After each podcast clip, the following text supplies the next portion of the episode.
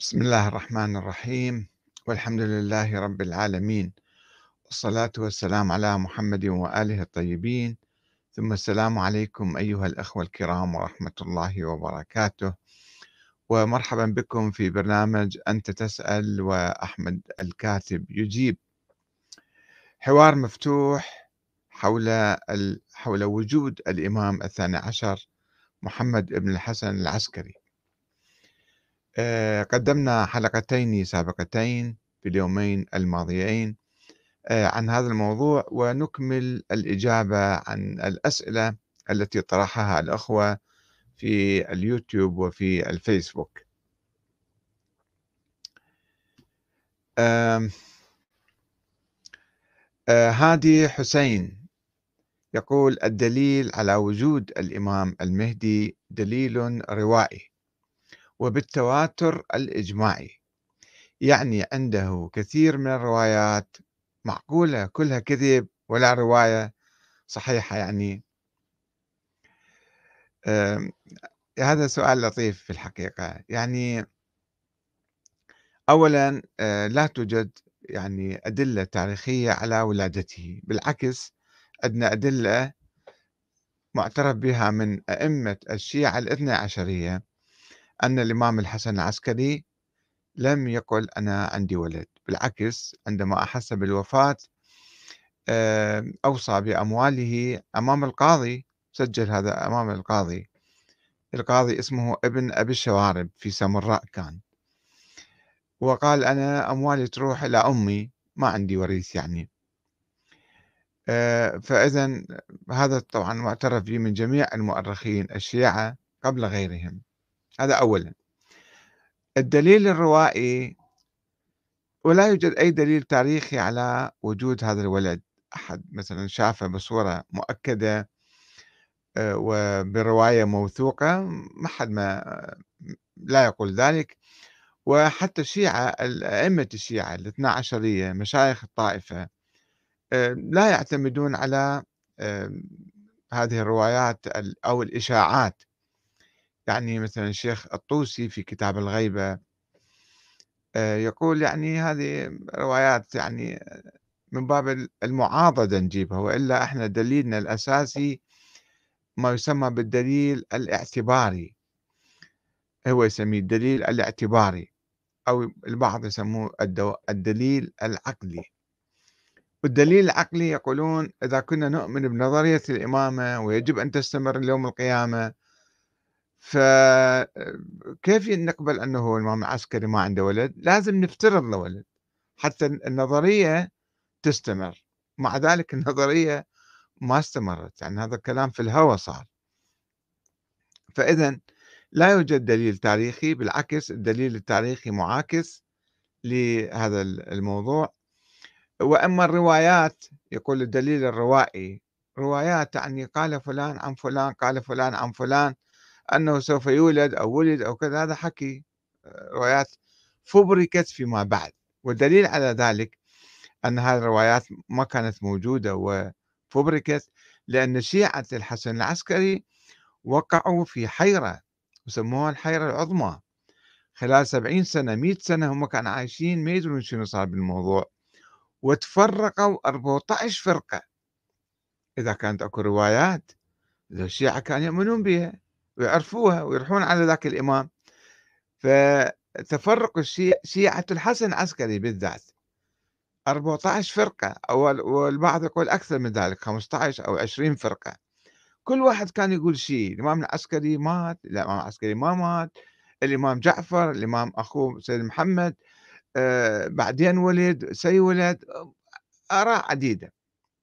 فوجود الحيرة دليل على عدم وجود أي دليل روائي أو دليل تاريخي على وجود هذا الولد هاي أولا. بعدين الأخ يعني يسمع كلام والبعض قد يدعي أنه في تواتر إجماع عليه. شلون يكون إجماع والشيعة في ذاك الزمان يفرقون 14 فرقة؟ فهذا ما يسموه إجماع. الإجماع لازم كل الشيعة مثلا وجود الإمام الحسن العسكري هذا متواتر ومتفق عليه مو بس الشيعة حتى كل المسلمين كل الأديان المسيحيين اليهود آه، البوذيين يعترفون وحتى الآن لو واحد قرأ التاريخ يعرف هناك شخص اسمه الحسن العسكري. هذا ما يحتاج بعد واحد يجيب له أدلة على وجوده. ما حد بيبحث أن الحسن العسكري كان موجود ولا كان ما كان موجود وما هو الدليل على وجود الحسن العسكري. بغض النظر عن القول بإمامته سواء قلنا هو إمام لو مو إمام ذاك بحث آخر هذه صفة. أما هو وجود الحسن العسكري وجود أخوه جعفر مثلا وجود الإمام الهادي وجود الإمام الجواد هذا يسمى تواتر.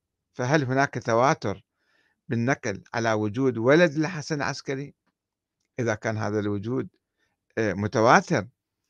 ما كان الناس تفرقوا ما كان بحثوا ما كان واحد قالوا الدليل العقلي إحنا بالدليل العقلي نثبت وجود هذا الولد. ما يحتاج تجيب دليل عقلي على قضية تاريخية على قضية خارجية. فإذا هذا كذب يا أخي العزيز. أنت يمكن تسمع ناس يدعون ادعاءات حتى يمشون أساطيرهم وخرافاتهم. فلا يوجد لا دليل روائي ولا تواتر ولا إجماع ولا محزنون ثم يقول يعني يعني هناك كثير من الروايات معقولة كلها كذب ولا رواية واحدة. طيب أنت شوف يا أخي العزيز هو الإمام شنو شغله؟ ليش نحتاج للإمام إحنا؟ الإمام حتى يقود الأمة الإسلامية. الله حسب آه كلام الإمامية الله عين حكام للدنيا إلى يوم القيامة ولازم يعين ما يصير ما يعين ما يصير إحنا ننتخب الحكام بصورة ديمقراطية أو بالشورى مثلا أو نقلد مرجع مثلا لا هذا ما يصير. كانوا يقولون الإمامية هاي نظرية الإمامة هاي تقول تقول أن مثل ما الله عين أنبياء لازم يعين حكام إلى يوم القيامة يسموهم أئمة.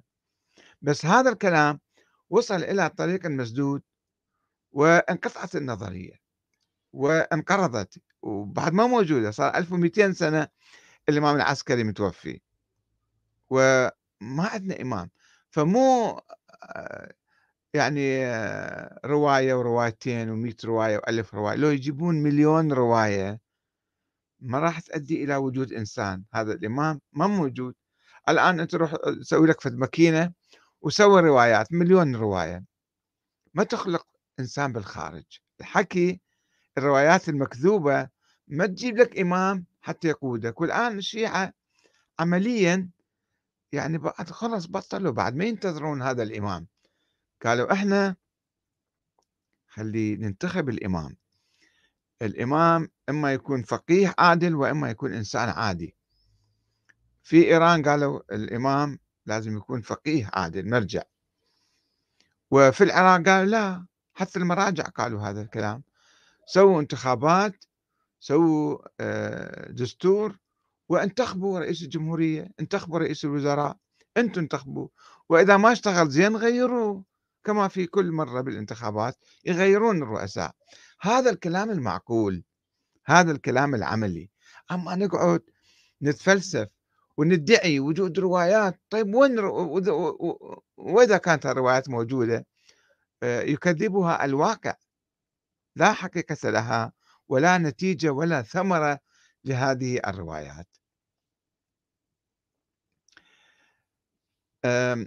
أبو عمر السوري يقول ماذا استفاد المسلمون عموما والشيعة خصوصا من الإمام الثاني عشر منذ ألف الغائب منذ ألف ومئتي عام وحتى هذه اللحظة طبعا ما ما حد ما استفاد ولا يقول الشيعة أنهم استفادوا شيئا لأنه غائب هو غاب منذ أن ولد غاب وأخذته الطيور وطارت. هاي الرواية اللي يجيبوها على أول من رواها الخصيبي في الحقيقة. الخصيبي أحد آه، يعني مشايخ الطائفة النصيرية. هذا كتب كتاب اسمه الهداية الكبرى وذكر هالإشاعة أو الأسطورة أنه ولد والطيور أخذوه أول يوم وقعدت عمته عمة الإمام الحسن العسكري.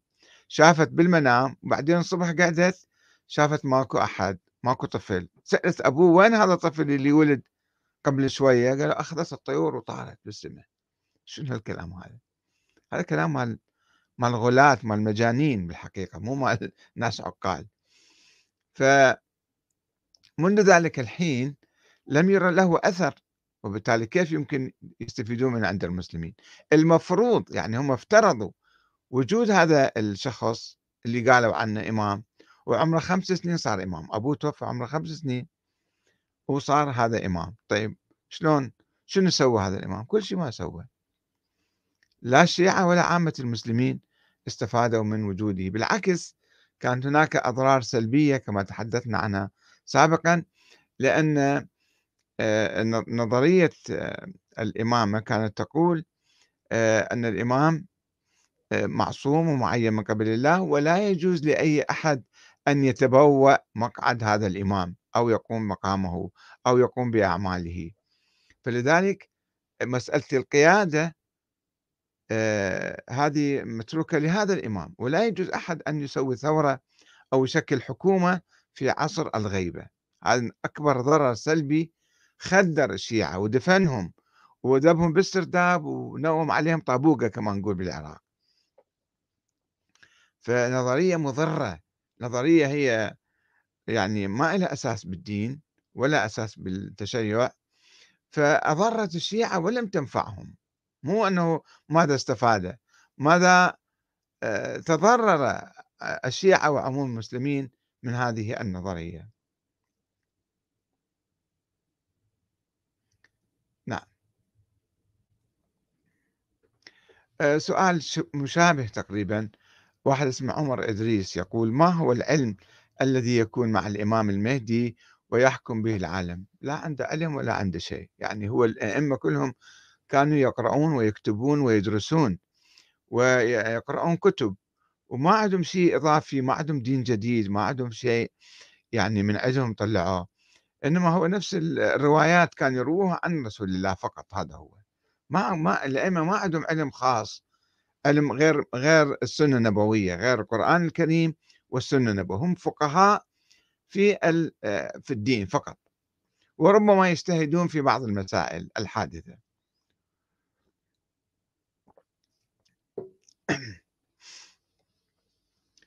أحمد الجبوري يقول محي الدين بن عربي يقول رأيت المهدي ابن الحسن العسكري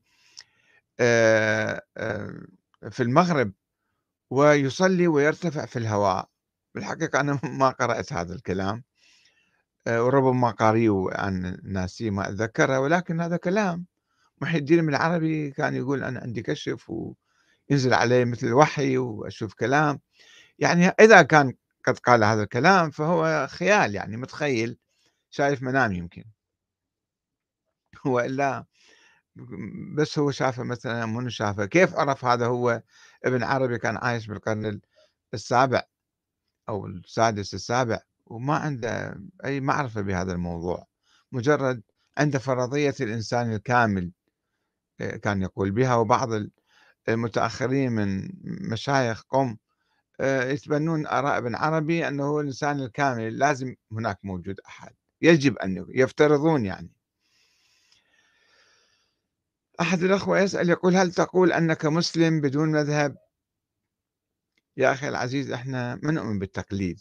اللي يؤمن بالمذاهب يعني يقلد هؤلاء. إحنا عندنا القرآن الكريم وعندنا عندنا السنة النبوية المتواترة. تبقى في مسائل اجتهادية مسائل فرعية بسيطة معدودة فيها بعض الخلافات فيها بعض الاجتهادات ونحن نجتهد لا نقلد أحدا وكل إنسان يجب أن يجتهد. لا يجوز له التقليد الأعمى لأي إمام من الأئمة. بهاء يقول ماذا يترتب على إنكار وجود الإمام المهدي من الناحية الدينية؟ لا يترتب أي شيء. بالعكس الإيمان بوجود هذا الإنسان. هو هي شوفوا دائما أنا أقول ذلك.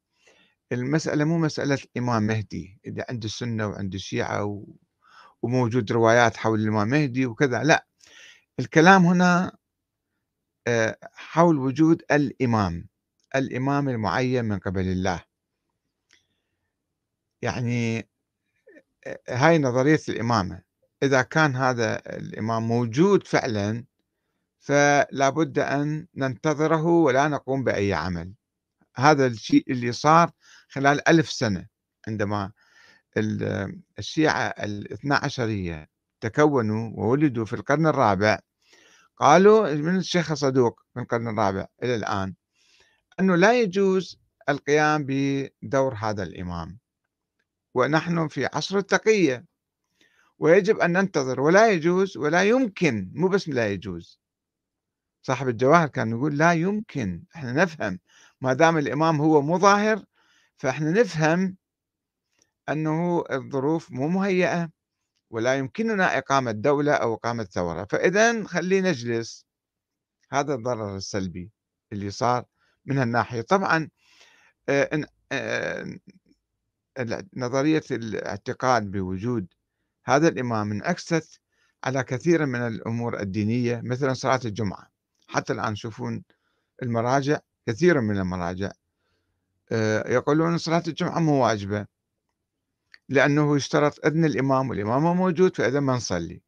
البعض كان يقول حرام بعض يقول مكروهة البعض يقول مستحبة البعض يقول مخيرة ولكن ليست واجبة حتما. لماذا؟ لأن الإمام ما موجود وإذن الإمام شرط والشرط ما موجود فإذا ما نصلي. الحدود طبعا الخمس يأخذون. لا الخمس يقول لك جيبة. الخمس اللي هو باسم الإمام يأخذوه يقول لك جيبة. كل واحد يقول جيبة إلي إياها مات ما يصير تعطيه واحد ثاني. فهذا كلام يعني آه، شيء جديد. واحد اسمه بغداد كاتب اسمه يقول هل المهدي سيخرج بكتاب القرآن الكريم أم بكتاب جديد كما ذكرت الروايات؟ الروايات. حكي كثير ناس يحكون ويتكلمون كثيرا وما لازم ناخذ بالروايات. كل ما نقرأ رواية نقول هاي رواية صحيحة ولا. هذا كلام ناس يحشون حشو يعني. مثلا كانوا يتخيلون قبل مئات من السنين لأن المسلمين وقفوا عند القسطنطينية إسطنبول يعني وما قدروا يفتحون القسطنطينية لمدة 500 سنة. فكانوا يقولون نعم سوف يخرج الإمام المهدي ويفتح القسطنطينية.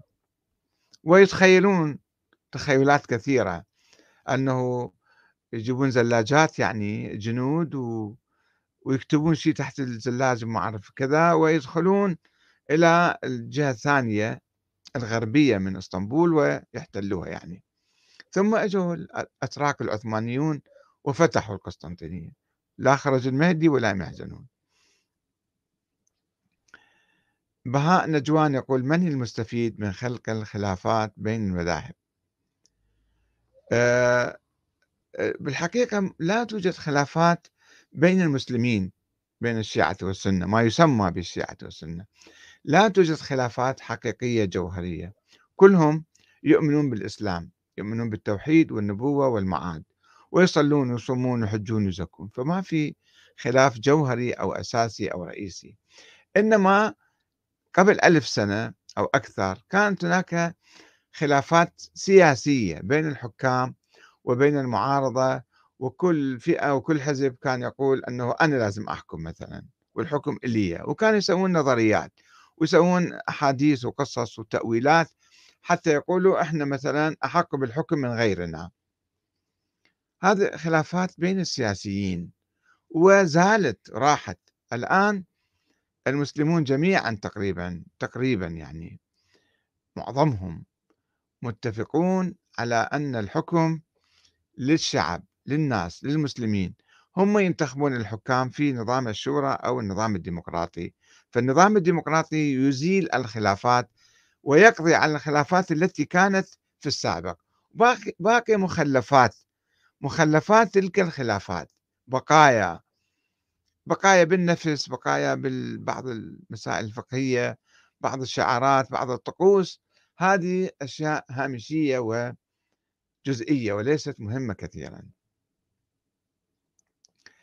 علاء شامل يقول ينقل عن أحد الشيوخ يقول يرد عليك يعني ويقول أن الروايات صحيحة تقول بأن النواب الأربعة كانوا من خواص الأئمة الثقات.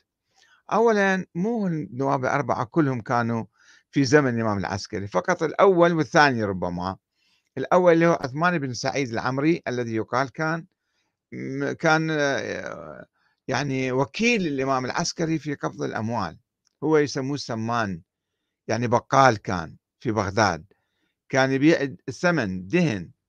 وكان الشيعة يجيبوا له فلوس يوصلها للإمام العسكري لا كان عالم ولا محزنون فهذا لما توفى الإمام العسكري اخترع له قصة أنه عنده ولد وقال أنا على علاقة به وجيبوا فلوس إلي أنا أوديه له مشبوه كلامه في شبهة يعني. بعدين ورا سنتين هو مات وأعطى الوكالة إلى ابنه محمد بن عثمان بن سعيد. هذا ظل خمسين سنة وهو يقول أنا وكيل الإمام. بعد خمسين سنة اجى بختي وين شاف الإمام العسكري؟ ما شاف العسكري. فالنواب الأربعة مو كلهم من خواص الأئمة كانوا. هاي أولا. ثانيا مو بس هذا النائب أكو مجموعة أخرى أو مجموعات أخرى كانت تتنافس على هذه الدعوة. كل جماعة يقولون والله إحنا من خواص الإمام وإحنا وكلاء وأعطونا الخمس إلنا النصير النصيري مثلا. محمد بن نصير النميري كان في البصرة هذا. كان يقول أنا من خواص الإمام الهادي والإمام العسكري وادعى البابية وادعى الألوهية للأئمة أيضا. وهذا أولا. يعني مو واحد واثنين واحد يكذب الآخر. فكيف نعرف أن هذا صادق وذاك كاذب؟ أكثر من عشرين واحد كانوا يدعون الوكالة والنيابة. دعاوى مجردة. نحن نشك بهم كلهم كذابين دجالين كانوا. هاي أولا. ثانيا الشيعة الإمامية يقولون صحابة رسول الله اللي من أول يوم كانوا مع رسول الله يقولون ارتدوا بعد وفاة رسول الله وما عرفوا الإمام واغتصبوا الخلافة.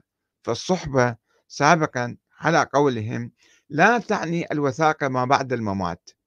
فمن يقول هذول النواب أو الأصحاب الأربعة أو العشرين كانوا مثلا بقوا هم مؤمنين متقين وورعين وصادقين لا كذبوا دجلوا هذا اثنين. ثلاثة عندنا فرقة اسمها الواقفية اللي وقفوا على الإمام موسى بن جعفر وقالوا الإمام موسى بن جعفر خرج من السجن وغاب. وبالسجن سموه غيبة صغرى وطلع برا غيبة كبرى. هذول يسموهم من أصحاب الإجماع. كانوا من وكلاء الإمام موسى الكاظم وكان عندهم فلوس بعشرات الألوف. طيب ومن أصحاب الإجماع يعني من أوثق الثقات من أوثق الرواة عند الشيعة حتى الآن. يوثقونهم يقول ذولا ثقات هم كانوا بس وقفوا. طيب هذول لماذا وقفوا؟ يقولون في مصالح مادية. كان عندهم فلوس فما أعطوها للإمام الرضا فأنكروا الإمام الرضا وقالوا لا الإمام الكاظم غاب. إذا فممكن أصحاب الأئمة يكذبون ويغشون وينقلبون ويدعون ادعاءات باطلة بعد وفاتهم. فما ما الذي يمنع إذا كان هؤلاء آه، أصحاب الإمام العسكري مثل عثمان بن سعيد وغيره اللي ادعوا النيابة إذا كانوا هم ثقات طبعا سووا لهم أحاديث أن فلان ثقتي في الممات والحياة. هو شو ما عرف الإمام عنده؟ علم غيب. الآن يقول لي هذا ثقتي بعد بعد الحياة بعد الممات. ما يدري هسه هذا صار إنسان جيد لو مو جيد يمكن يتغير. فما عنده علم غيب الإمام حتى يقول هذا ثقتي في الحياة والممات.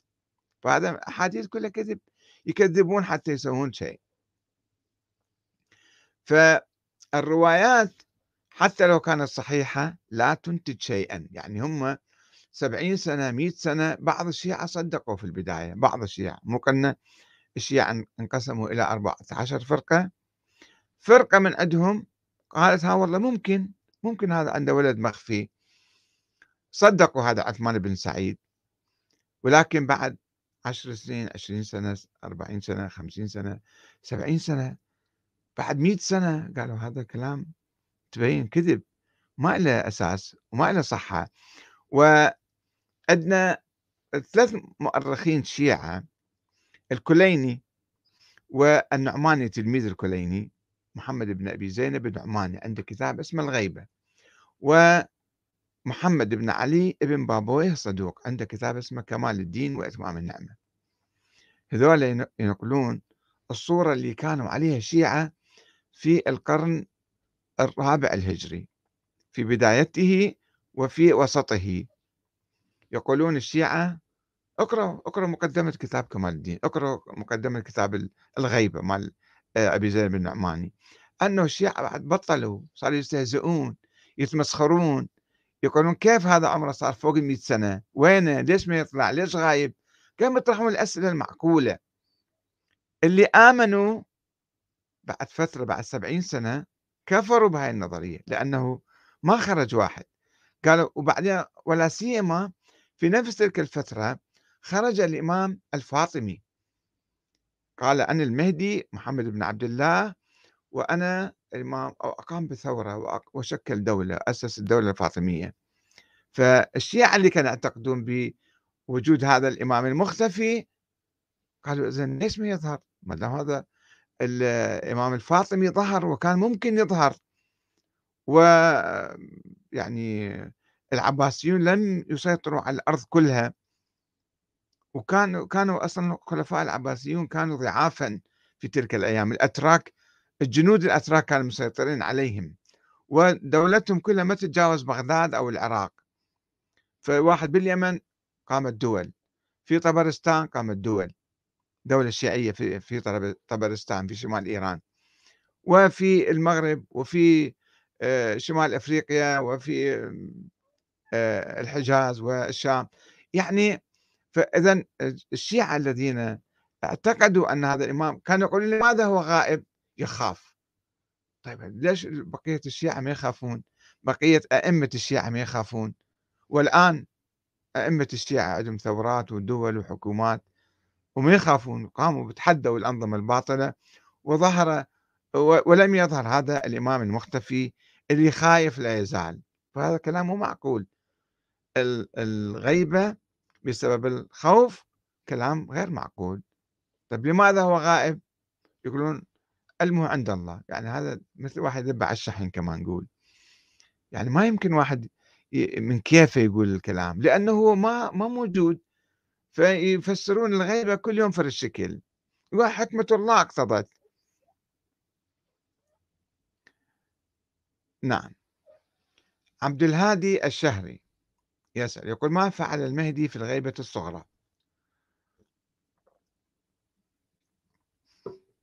لم يفعل شيء. مجرد ادعاء قبض الأموال عبر ذول النواب. بس ما عنده شيء آخر. حتى كتاب لم يكتب للشيعة. يعني كتاب الكافي كتب فيما يسمى بالغيبة الصغرى في بداية القرن الرابع الهجري. وأربع أخماس هذا الكتاب أكاذيب وأحاديث ضعيفة. فقط في 16 ألف حديث فقط 2000 حديث علماء الشيعة اليوم ومنذ مئات السنين منذ العلام الحلي يقولون 2000 حديث فقط صحيح. 9500 حديث ضعيف. طيب ليش الإمام المهدي ما كتب كتاب؟ كان كتب كتاب فقهي أو روائي وخلاه للشيعة يعملوا فيه. مثل البخاري مثل مسلم مثل أحمد بن حنبل. بس هو ما موجود حتى يكتب شوفوا. ما موجود حتى يكتب. هو موجود كان كتب هذا أبسط شيء يعني أن يكتب كتاب ويعطي ذول النواب. ذول النواب أحد الأخوة أيضا يسأل سؤال لطيف. يقول أنه يقال أنه بعض السفراء كان عندهم كتب كتب فقهية. كتبها السفير الثاني محمد الأمري. وانتقلت بعدها للسفير الثالث هذا الأخ طالب هادي يقول يكتب في اليوتيوب. آه، وبعدين كان هناك كتاب اسمه التكليف كاتبة آه، سكرتير النوبختي النائب الثالث آه، كاتبة اسمه ابن أبي العزاقر الشلمغاني. هذا كان وكيل النوبختي في بني بسطام في مدينة الكوت المنطقة هاي. آه، وعنده هذا كان كتب وكان معروف إنه كتاب مشهور ومملوء في في كل بيوت الشيعة هذا الكتاب موجود. بعدين صار خلاف بين ابن أبي العزاقر الشلمغاني وإنه بختي فاتهموه قالوا له أنت هذا آه، مرتد وصار زنديق وصار كذا. و طيب شو يسوون بكتابه؟ إنه بختي اللي كان يدعي نفسه إنه هو نائب عن الإمام وعنده علاقة خاصة به ويلتقي به قال أنا ما أدري شو أسوي بهذا الكتاب الآن. ودى الكتاب إلى علماء قوم قال بالله شوفوا لنا هذا الكتاب شنو بيه صحيح لو مو صحيح؟ فإذا هو عنده علاقة مع الإمام المهدي ليش يودي الكتاب للإمام المهدي؟ ليش يودي العلماء قوم هذا كما يقول إنه بخت الطوسي في الغيبة.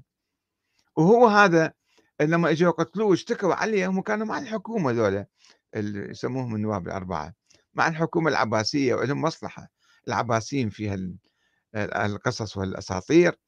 فكان يقول هذا يقول ما دخلنا مع النوبختي في هذا الأمر إلا ونحن نعلم فيما دخلنا فيه. لقد كنا نتهارش على هذا الأمر كما تتهارش الكلاب على الجيف. صفحة 359 في كتاب الغيبة. فاضطر النبختي إلى تكذيبه وأصدر التواقيع من باسم الإمام المهدي بلعنه وتكفيره. هو يسويها. ويكتب أنه هذا الإمام المهدي لعنه. طيب إذا المهدي لعنه وكفره ليش ترسل كتابة أنت إلى علماء قوم لكي يمحصوه ويقيموه؟ صفحة 358 و 375 يذكر هذا الكلام الشيخ الصدوق الشيخ الطوسي عفوا.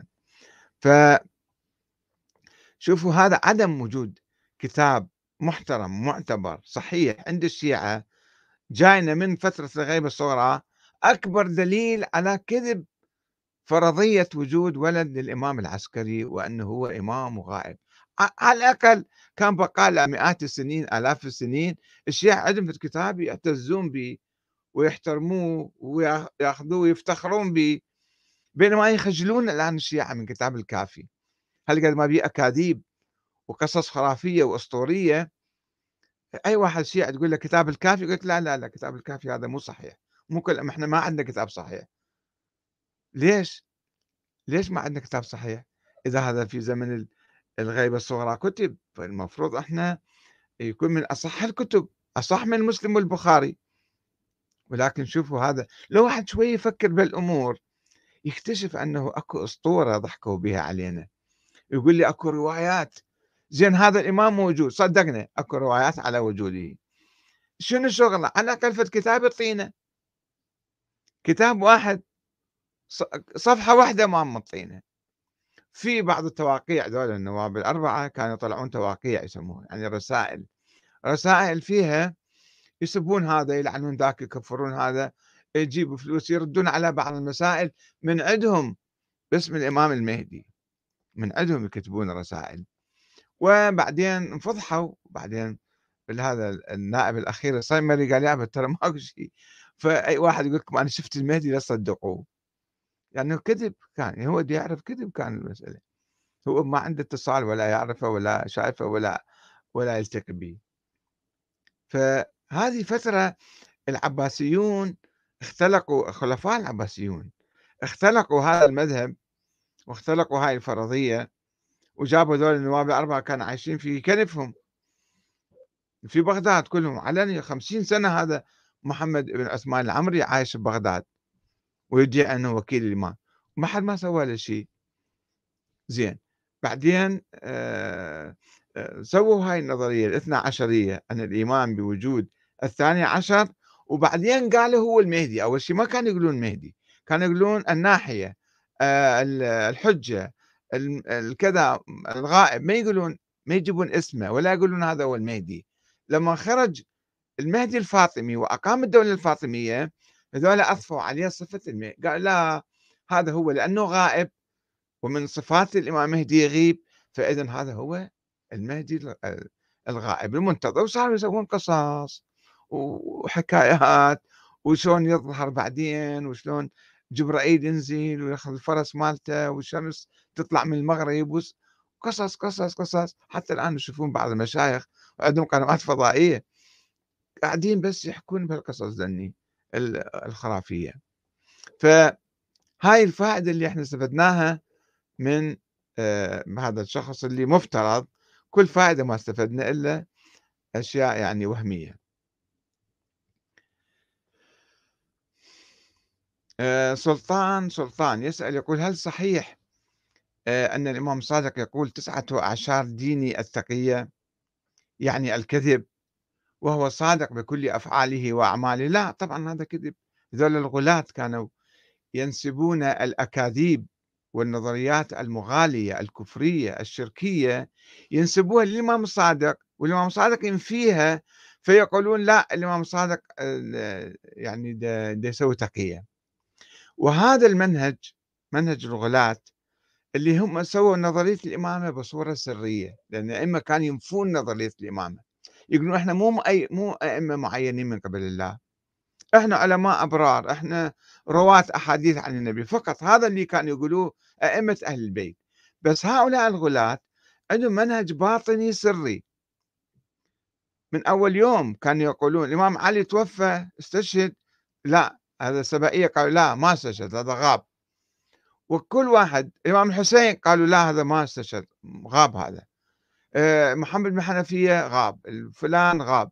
كلهم ما يؤمنون بوفاة الأئمة ويختلقون أحيانا أولاد للأئمة غير موجودين مثل محمد بن عبد الله ابن جعفر الصادق الأفطح يسموه. قالوا هذا هو المهدي اختلقوه ما له وجود. اختلقوا وجود ولد لمحمد لعبد الله الأفطاح فالمنهج الباطني السري هذا منهج خطير. يعني شوفوا حتى الآن الآن في ناس يدعون أنه السيد مقتدى هو المهدي المنتظر. يا أبا سيد مقتدى يطلع بال آه، صلاة الجمعة يسبهم ويكذبهم ويتبرأ من عندهم ويقولون لا هو هذا التقية يسوي هو هو اللي مهدي بس هذا باطن دي يتكلم. يعني ما تخلصون من آه، ولا نقدر نخلص من ذولا الغلاة الباطنيين اللي يروون روايات سرية معكوسة. وش يقولون؟ يقولون تسعة وعشر ديني التقية ومن لا تقية له لا دين له. هذا كذب هذا. إحنا مكلفين أن نأخذ بأقوال الأئمة الظاهرية مو بأقوال الأئمة السرية الباطنية. هذا الله ما مكلفنا بها الأئمة ظاهرا يقولون إحنا لا معصومين ولا إحنا معينين من قبل الله. فليش إحنا نركب نظرية بالقوة عليهم؟ ونحاول يعني أكو ناس يستغلون يستغلون هذا الكلام حتى يمررون كلامهم بستار التقية ولا ما في شيء اسمه تقية. الأئمة ما عندهم كذب ولا يكذبون ولا يضحكون على الناس. نعم. عبد الهادي الشهري. آه عفوا هذا جوابنا نعم. الأخ بهاء يقول ما رأي حضرتك بظهور الإمام المهدي آخر الزمان عند الأخوة السنة؟ لديهم أحاديث صحيحة. أولا من قال لك أحاديث صحيحة؟ أحاديث موجودة نعم ولكنها لو تدرسها تدرس مصدرها من أول يوم تشوف أحاديث يعني مؤلف الناس يألفوا الأحاديث. وهاي الفكرة اللي هي مضخميها الناس فكرة الإمام المهدي لا موجودة بالقرآن ولا بالسنة النبوية ولا في العصور الأولى. الغلاة شوية شوية بدأوا يحكون فيها. وإذا أخذنا فكرة الإمام المهدي يعني الحاكم العادل فكرة عامة. كان بعض الثوار يقولون هذا هو الإمام المهدي هذا هو الإمام المهدي هذا هو الإمام يقولون لأنه يقولون هذا الذي الحاكم اللي الله هاديه يعني مهدي. وإحنا نتكلم مو فقط إنه في آخر الزمان يطلع واحد أو ما يطلع شو خصنا به هذا إذا كان هذا حديث صحيح أو الأحاديث صحيحة خلينا نتركها إلى آخر الزمان. إحنا تكليفنا ما هو اليوم. تكليفنا إنه نقعد ننتظر وما نقوم بأي عمل أو إحنا يجب أن نقوم بالأمر المعروف والنهي عن المنكر وإقامة العدل وإقامة أنظمة العدل. مجتمع العدل ونسوي قوانين مثل ما في العالم كله الآن.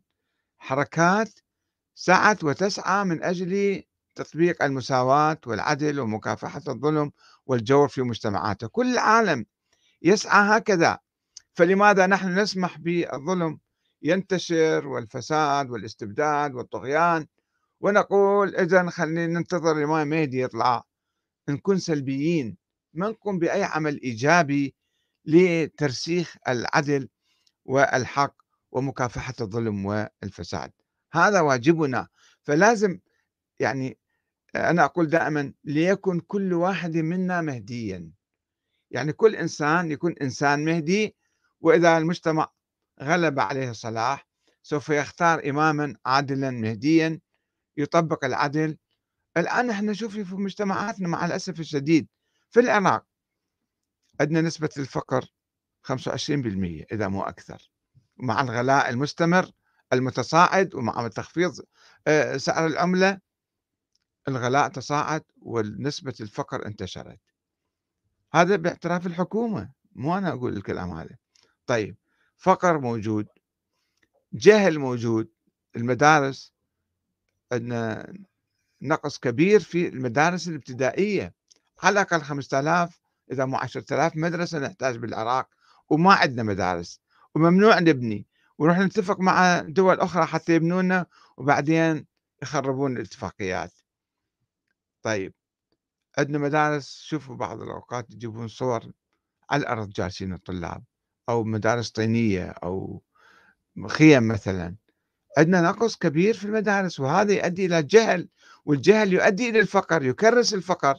لأن العلم الناس لما يتعلمون راح يرتفع مستواهم الاقتصادي. عندنا المرض عندنا النظام الصحي. في العراق أنا أتكلم. النظام الصحي يعني ضعيف جدا ما يغطي لا لا تكاليف الدواء ولا تكاليف العلاج ولا العمليات. لازم عندك عملية لازم تروح آه، تدفع فلوس تتداين تقترض. الفقراء يعني. طيب في العالم في في حتى بالعراق كان سابقا عندنا يعني تأمين صحي للناس مستشفيات جيدة وأطباء جيدين ودواء متوفر. مو تروح المستشفى يقول لك روح تجيب مثلا أبرة أو روح تجيب اشترى الدواء من برا وأنت بحاجة ومضطر وفي حالة طوارئ لازم تدور بالشوارع المستشفيات أو الصيدليات الفاتحة تجيب لك دواء مثلا. المستشفى ما بيها دواء. فهذا وضع مزري بالحقيقة. فلا عندنا صحة لا عندنا علم لا عندنا تأمين تأمين اجتماعي في يعطوه كمية يعني مبالغ جدا آه، بسيطة للتأمين الاجتماعي أو أو المتقاعدين أو الناس الشياب مثلا ما عندهم معيل أيتام أيتام عوائل. يعني شيء عجيب غريب يعني ناس الفقر منتشر وما حد يفكر في معالجة هاي الأمور. وكل حديثنا أنه الآن شوفوا هالأيام هاي مثلا زيارات وكذا واحتفالات وتوزيع حلويات على شنو؟ إذا كنتم تؤمنون بإمام بضرورة وجود الإمام المهدي أنا أعتقد الآن إحنا بحاجة أن يجينا حاكم عادل إمام مهدي وإحنا لازم نجيبه إحنا ننتخبه مو ينزل من السماء بالباراشوت إحنا ننتخب هذا الحاكم العادل ال... الذي يوفر هذه الأمور للناس. العلم والصحة والتأمين الاقتصادي وطبعا بقية الأمور آه، الأخرى الخدمات العامة. فيعني إحنا مع الأسف عقلنا راح غير مكان. نفكر آه، يعني المهدي موجود لا مو موجود والسنة يقولون والشيعة ما يقول. هذا كلام ما يفيدنا. يفيدنا اليوم إحنا نتحرك ونعمل من أجل يعني رفع مستوى الفقر. حتى إذا الحكومة ما سوت شيء إحنا علينا كل شخص عليه أن يساعد الفقراء يعلم الجهلة. آه، ويجتمع مع أخواننا المؤمنين في المسجد مثلا. في كل مسجد يجتمعون الناس.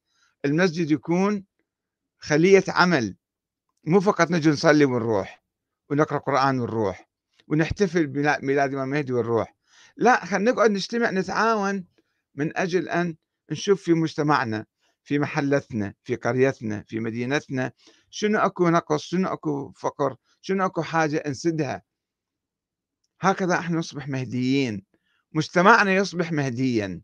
وبالتالي إحنا راح ننتخب محافظ أو رئيس بلدية أو وزير أو رئيس وزراء أو رئيس جمهورية يجي يطبق العدل و ويعني ينفذ هذه المطالب الشعبية. هذا اللي إحنا نحتاجه في الحقيقة. أنا أكتفي بهذا القدر اليوم وإن شاء الله إذا في أسئلة أخرى نتابعها في المستقبل. والسلام عليكم ورحمة الله وبركاته.